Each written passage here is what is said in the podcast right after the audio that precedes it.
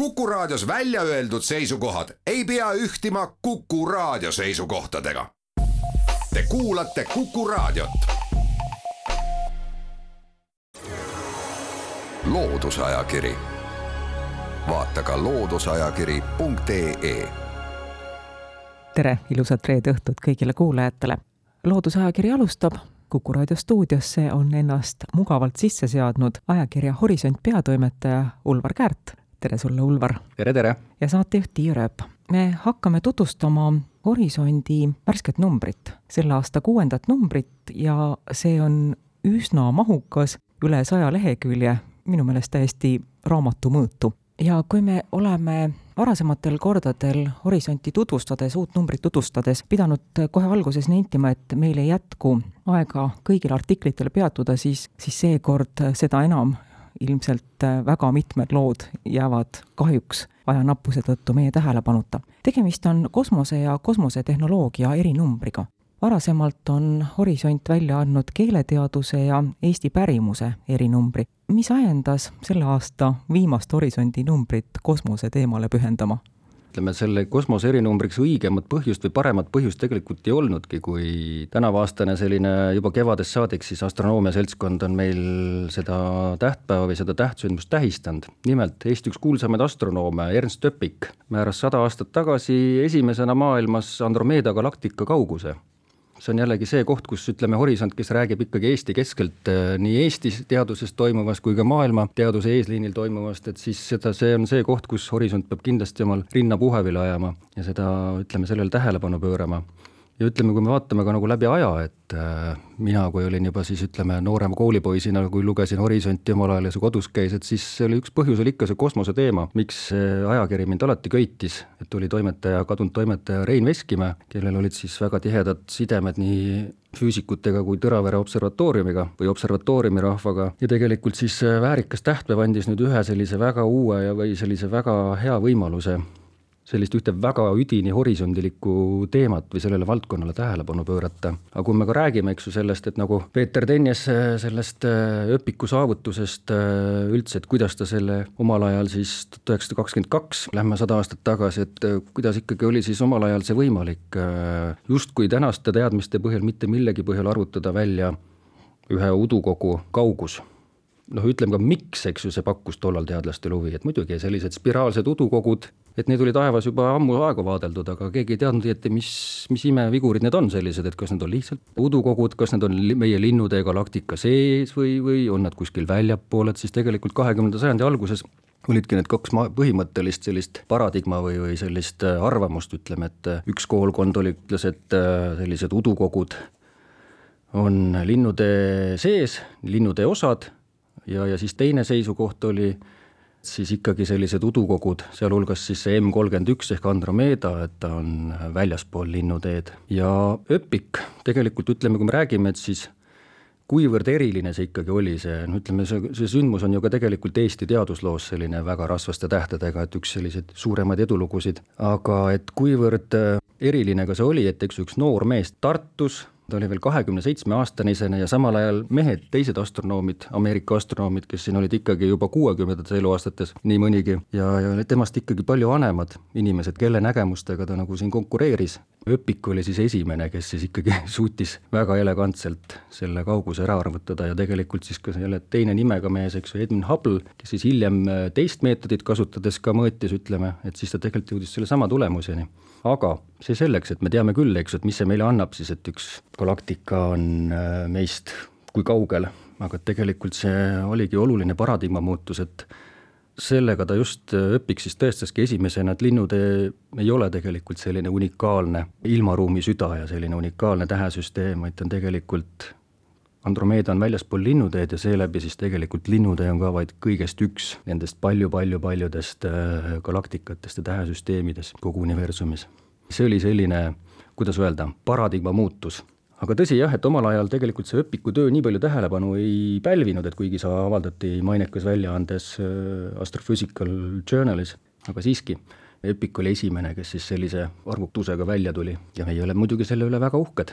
kes meist ei ole linnuteed imetlenud. Rain Kipper Tartu Ülikooli astrofüüsika kaasprofessor kirjutab Kaia teleskoobist, mis paljastab linnutee saladusi. Ja sellest loost saab ainuüksi juba seda teada, millest koosneb linnutee tähekettast ja gaasikettast ja tolmukettast, lisaks sellele veel tähelisest halost ja tumeaine halost just, nagu see ongi tegelikult juba Andromeeda näitel, eks et see, selle numbri selline, üks mõte ongi tegelikult pöörata siis Andromeeda galaktika ja rääkida ka üldse laiemalt galaktikatest ja nendest universumi sellistest tähesüsteemidest äh, koosnevatest ehituskividest natuke rohkem, aga kui me räägimegi siis linnudest, et ega siin ongi see, ütleme, Kaia teleskoobi võtmes kosmoseteleskoobist, et mis see Kaia teleskoop meil on, et on kosmoseteleskoop, mille siis kuidas öelda, selle ambitsioonikas eesmärk, ta siiamaani meil töötab taevalaotuses ja ta peaks ära mõõtma siis peaaegu kahe miljardi linnutee tähe täpse sellise asendi ja liikumisteekonna taevavõlvil, et kui me siin võtamegi, siis äh, mitte kunagi mitte ükski mõõteriist või ei ole sellise, sellise asjaga veel hakkama saanud ja kui me võtamegi siis, et see kaks miljardit, et see tundub meile siin maistes oludes nagu astronoomilise suurusena sõna otseses mõttes, aga tegelikult see on siis ütleme, kõikidest linnutee tähtedest on see kuskil suurusjärk siis kõigest üks protsent kui me mõtle, arvestame seda, et tegelikult arvatakse, et linnutees on tähti kuskil kahesaja miljardi jagu. et tegelikult selline suur süsteem on üsna tundmatu meie jaoks. Ja mis siin ka ongi, eks ju, siis kõik ka välja tulnud, et selle Kaia nende täheliikumiste abil, et kui me räägimegi siis, et see galaktika on selline ketas, spiraalne ketas, täheketas, et siis äh, tänu nende Kaia mõõtmistulemustele on tuvastatud, et ketta välimised äh, tähed liiguvad kuidagi kergelt vastupidises suunas võrreldes sellega, mis äh, siis ütleme, see Äh, seesmised tähed liiguvad ja mille, mida sellest järeldatakse ikka seda, et linnutee on kunagi alguses, ütleme, mitte nüüd kas nüüd alguse saanud, aga et linnutee, praegune linnutee on sündinud siis ütleme, ühe kokkupõrke tulemusel ühe teise galaktikaga. et kui me näiteks toome näite selle juba räägitud Andromeedast, et siis tegelikult linnutee ja Andromeeda ju ka tegelikult tõmbuvad või siis Andromeeda vähemalt praegu on nagu teada, et ta kuskil läheneb meile, kihutab meie poole kiirusega, no kas ta nüüd meie poole, vaid ka linnuteega ikkagi nad vastakuti nagu liiguvad üksteise suunas kiirusega nelisada tuhat kilomeetrit tunnis. et täpselt on ka ütleme varem selliseid kokkupõrkeid olnud. Aga siin on ka tegelikult, eks ju, et on erinevad tähejoad moodustunud siis ütleme, erineva kiirusega liikuvate nende tähtede vahel või tähe kettaosade, ütleme siis vahel ja mida siis see kõik jälle annab meile, tänu nendele siis, kui me teame täpselt jälle, uurime neid tähejugasid ka, et siis kui palju on meie kodugalaktikas seda salapärast tumeainet. et kui palju tegelikult astronoomid oskavad lugeda välja seda, kui on siis täpselt teada, kuidas tähed liiguvad, et milliseid põnevaid asju siit on, ka räägime siis ka olgu need siis ka veel näiteks mustad augud jälle, ühed sellised salapärased, et kui nüüd näiteks Kaia andmetest tuleb välja, et kuskil kuskil mingisugused tähed teevad selliseid omapäraseid jõnkse, et siis juba on teada, et tegelikult siis on seal kuskil üks must auk, mida me justkui ei tohiks näha, aga gravitatsioon, gravitatsiooni kaudu siis, kuidas teised kehad, selle, taevakehad selle augu ümber liiguvad, et siis ongi võimalik seda jälle teada. ja kui me seda ka teame, siis me saame ka jälle teada või täpsemalt uurida siis ka neid mustade aukude olemust aga jah, et kui siin veel, veel laiemaks minna, et kui me linnude juurest läheme, et siis tegelikult äh, Peeter Teinjasvee räägib ka, et ka galaktikad, ütleme, kui tähed on äh, ühes, ühes galaktikas, moodustavad sellise suure süsteemi, siis ega sellega see mastaap ei lõpe, et tegelikult veel galaktikad omakorda moodustavad tohutuid, tohutuid suuri süsteeme, mis siis üksteisega kuidagi gravitatsiooniliselt on seotud. kui neid on natukese vähem, Äh, omavahel seotud gravitatsiooniga, et siis neid nimetatakse siin gravita-, sellised väiksemateks rühmadeks, aga juba parvedes, et siis äh, need võivad koosneda sadadest ja isegi tuhandetest heledatest galaktikatest. ja nad ei ole siis, kui ütleme, sellised nagu linnuparved või kuldnokkaparved, vaid et nad moodustavad siis selles universumis selliseid ahelaid, et kui me räägime, et universumil on kärgstruktuur, mis siis koosneb eri, nende vahelised siis ütleme, et ahelad kõik on mitte ei ole mingisugune aine seal, vaid see on galaktikatest moodustunud. hüppame üle väga mitmest väga huvitavast artiklist ja peatume korraks füüsik Hardi Veermäe poolt kokku kirjutatud universumi lühiloo juures. see on täiesti hämmastav, kuidas ta on suutnud universumi lühiloo kokku võtta kuuele-seitsmele horisondi leheküljele tegelikult jah, Hardi nagu oli selle looga kirjutamisel, nagu ta pärast tunnistas, et oli väga kimpus seda, et kuidas selle nii vähesega hakkama saada, aga tegelikult ta sai väga elegantselt sellega hakkama, aga et me ju täna teame, et universum paisub. ja ta käsitlebki tegelikult just seda aspekti, et mis see siis see paisumine nagu on, et kas ta on mingisugune mm, kas ta ikka paisub üldsegi, et on ju erisuguseid arvamusi, mis mind nagu üllatas, et on, on selliseid, selliseid inimesi või teadusmehi, kes ütlevad, et ei tea midagi, et ei, äkki ei paisugi. aga tema just nagu jälgib seda liini siis ja selgitabki seda, et kuidas universum siis on paisunud, et me ju teame, et universum on saanud alguse suurest paugust ja mida ta ka tegelikult siin ise Hardiga välja toob, et siis seda pidevalt nagu kujutatakse justkui mingi suure plahvatusena seda suurt pauku, aga nagu ta ütleb, et see on tegelikult väärkujutelm, et äh, see ei millestki ja sellest äh, algpunktist on, äh, see ei ole mitte plahvatanud, vaid et on lihtsalt hakanud hõrenema, see ruum, ilmaruum.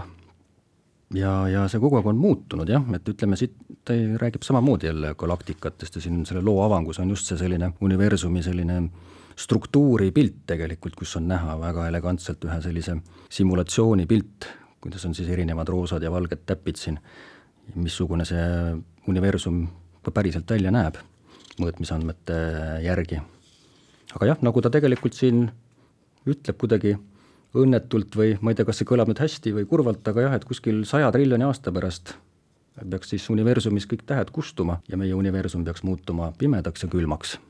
Õnneks on sinna tohutult aega, see sada triljonit aastat, see on jah, see on väga kaugel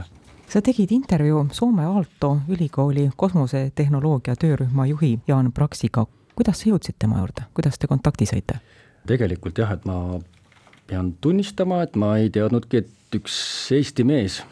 on Soomes, Soome Tehnikaülikoolis ehk Aalto ülikoolis ja tema käe all on valminud kõik Soome viimased kolm tudengisatelliiti. see oli minu jaoks vau ja tegelikult väga, väga põnev oli see jutuajamine temaga ja ma arvan, et nii mõnigi ei tea seda veel ka üldse, et, et üks Eesti mees teeb Soomes, ehitab satelliite, kuigi talle endale ei meeldinud seda absoluutselt afišeerida. et siiski ma arvan, et meie Eesti väikse, väikse Eesti rahvakeelena oleme väga uhked sellise asja üle. aga tema suust tegelikult, muidugi me rääkisime nendest väikestest kuupsatelliitidest, millised need hädad ja, ja võlud ja valud sellega on, aga tema suust ikkagi jäigi, et miks on sellised, et noh, paljuski on, ütleme, astrofüüsikud või ka ütleme, sellised ennast tõsiseltvõetavaks teadlaseks pidevad inimesed ikka kipuvad ütlema, et see tudengisatelliitide ehitamine, et see on nagu rohkem selline käe harjutamine või lapsemäng, aga nagu tegelikult Soome näitel Jaan Praks tõi hästi välja, et kui Soome kaks tuhat seitseteist saatis oma esimese satelliidi Aaldo ühe kosmosesse, et sellest äh, meeskonna tuumikust kasvas välja idufirma ICEYE millest on tänaseks, no me räägime siis nüüd viis, viis aastat on, eks ju, sellest kahe tuhande seitsmeteistkümnendast aastast, et äh, viie aastaga on sellest, selle Aaldo ühe meeskonnast moodustunud Soome kõige suurem kosmosefirma, mis siis tegeleb äh, selliste väikeste ja odavate radarisatelliitide ehittootmise ja müümisega. ja tegelikult siis ütleme, nende radarisatelliitide piltide müümisega, noh ja täna ütleme siis sellel firmal on viissada töötajat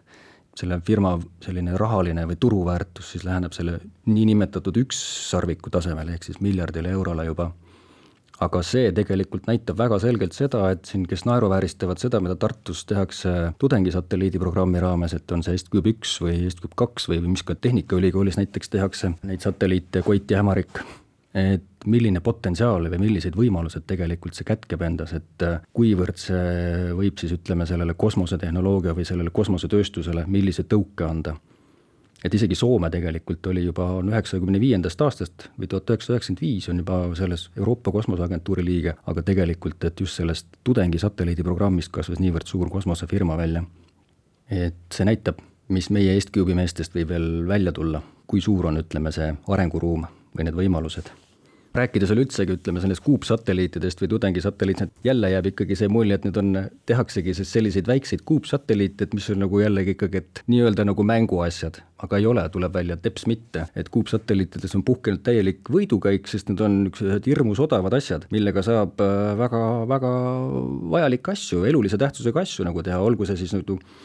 asjade internet ehk siis 5G äh, side, mida nende väikeste ja odavate satelliitidega saab äh, tagada, on siis ütleme kaugseire, et sa saad jälgida maal toimuvat, kas siis keskkonnaseisundit või räägime siin tegelikult ka luureandmetest. tegelikult jah, et kuna need satelliidid on sellised väikesed ja odavad, no siin ta toob Jaan Praks tegelikult intervjuus ka välja, et räägime ühest suurest kaugseire satelliidist, et siis tavaliselt see läheb maksma, ütleme see valmis teha kuskil kakssada kuni kolmsada miljonit eurot ja siis ütleme, see on ainult üks, aga sisuliselt tegelikult sama raha eest võiks tegelikult äh, kuupsatelliite maa orbiidile saata väga palju. noh, muidugi siin tekib jälle küsimus, eks ju jälle, et äh, need hakkavad risustama meie seda teataval kõrgusel olevaid äh, orbiite, aga samas, nagu see tehnoloogia tegelikult ka Jaan Praksi jutust välja tuleb, et igasuguseid kõikvõimalikke selliseid äh, uusi võimalusi uuritakse, et ka näiteks, et satelliitides ütleme, selliseid plasmapidurdussüsteeme, et oleks neid võimalik siis oma kasutuse ea lõpus, mitte nad sinna jääda ootama, kuni need ise atmosfääri kukuvad ja ära põlevad meteoorina, vaid et oleks võimalik siis kiiremini nad suunata, pidurdada ja atmosfääri suunata, et nad seal ära põleksid aitäh, Horisondi peatoimetaja Ulvar Käärt stuudiosse tulemast ja Horisondi värsket numbrit tutvustamast. see oli vaid pisku, mida me rääkida jõudsime, sest nagu öeldud, seekordne Horisont on väga mahukas, enam kui sada lehekülge. keda kosmos ja kosmosetehnoloogia huvitab, siis kindlasti lugege Horisonti, keda veel ei huvita, lugege Horisonti. aitäh kuulamast! aitäh! loodusajakiri, vaata ka looduseajakiri.ee